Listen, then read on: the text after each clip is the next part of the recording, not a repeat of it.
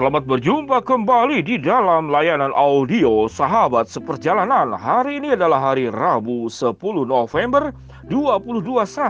Tema renungan dan saat dulu kita dengan judul Terlahir dan Terbina. Ini adalah sesi parenting. Bagaimana pola asuh orang tua kepada anak-anak terlahir dan terbina.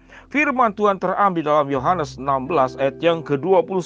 Demikian bunyi firman Tuhan.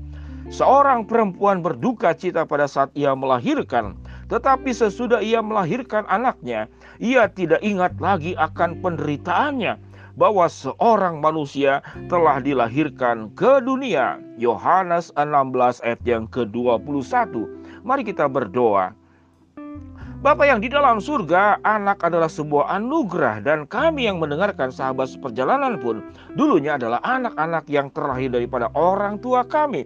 Betapa kami bersyukur jikalau kami tidak tidak hanya terlahir dengan selamat, namun kami pun terbina dengan selamat. Di dalam nama Tuhan Yesus kami berdoa. Amin. Shalom sahabat seperjalanan yang dikasih Tuhan terlahir dan terbina. Sesuatu yang lengkap adalah tatkala dua-duanya terlahir dengan selamat dan terbina dengan selamat. Mengapa kata selamat itu dikaitkan dengan terlahir dan terbina? Artinya kalau terlahir dengan selamat, proses melahirkan berjalan dengan baik. Kalau terbina dengan selamat, maka proses pembinaan pun juga terbina dengan baik. Sahabat seperjalanan yang dikasih Tuhan, melahirkan adalah proses yang sulit namun membina anak jauh lebih sulit. Mari kita belajar tentang hal-hal yang sulit dalam rumah tangga. Kesulitan yang pertama adalah melahirkan.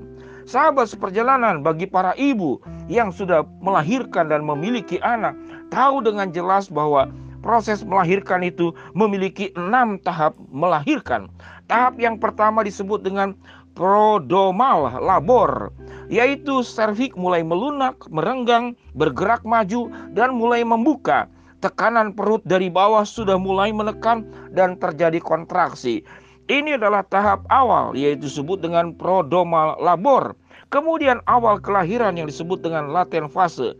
Di sana serviks mulai membuka mulai 3 sampai 4 cm.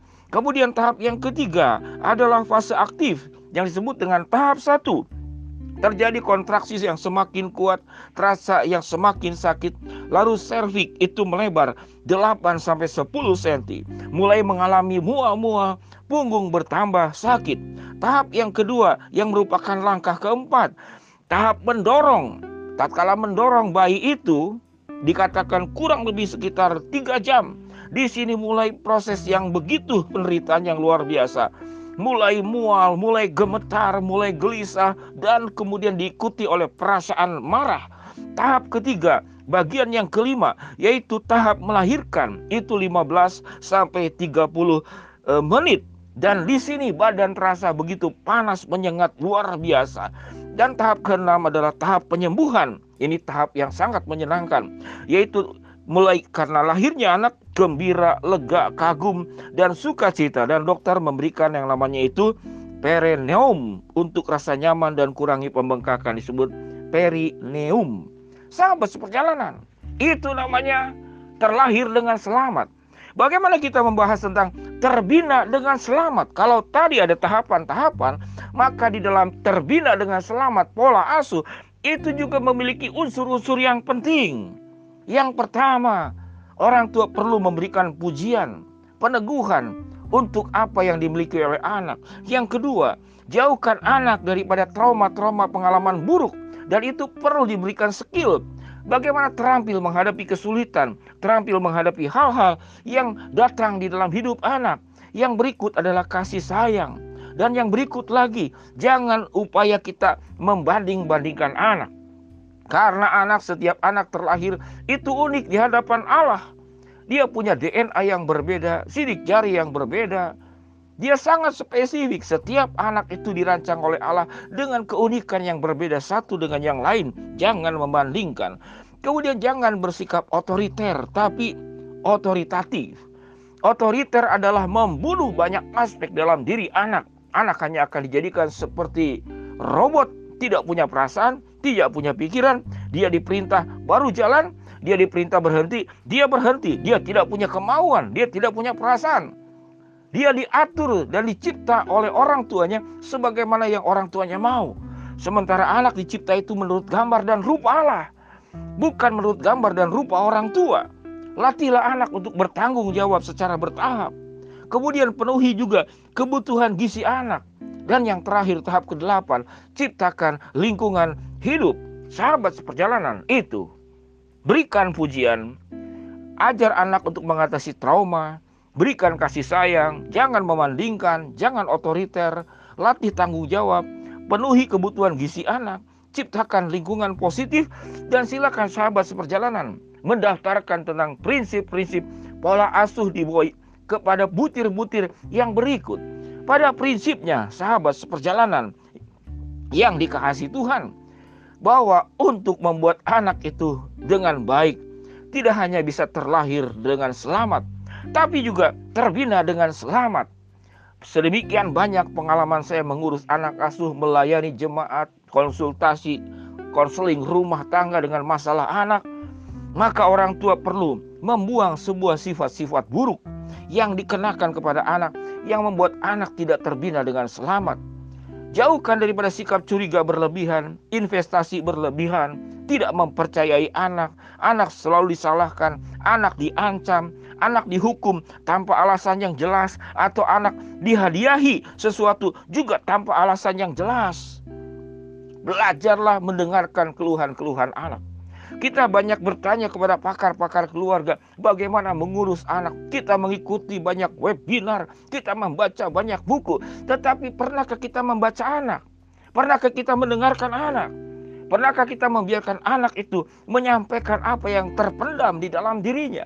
Pernahkah kita mensejajarkan anak bahwa kita, anak kita dengan kita itu sama di hadapan Tuhan?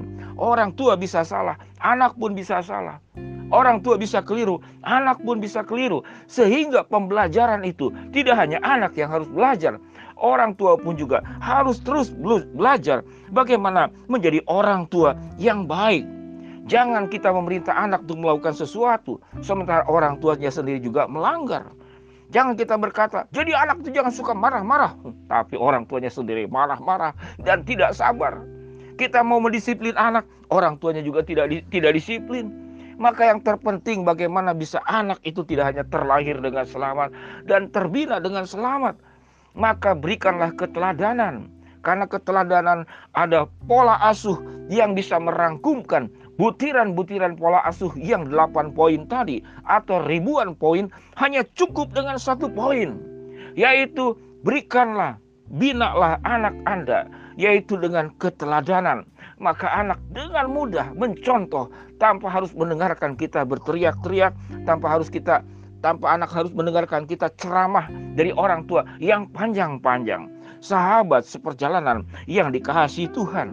Saya berdoa buat semua sahabat seperjalanan agar anak-anak kita terlahir dengan selamat juga terbina dengan selamat. Kalau tidak terbina dengan selamat, maka berarti kecelakaan yang terjadi di masa depan anak anak salah jalan, anak hidup dalam lingkungan yang buruk, anak tidak punya tanggung jawab, tidak bisa bersosial, kehidupannya menjadi katakanlah duri, menjadi masalah, menjadi petaka buat setiap orang yang ada di sekitarnya, khususnya dalam keluarganya.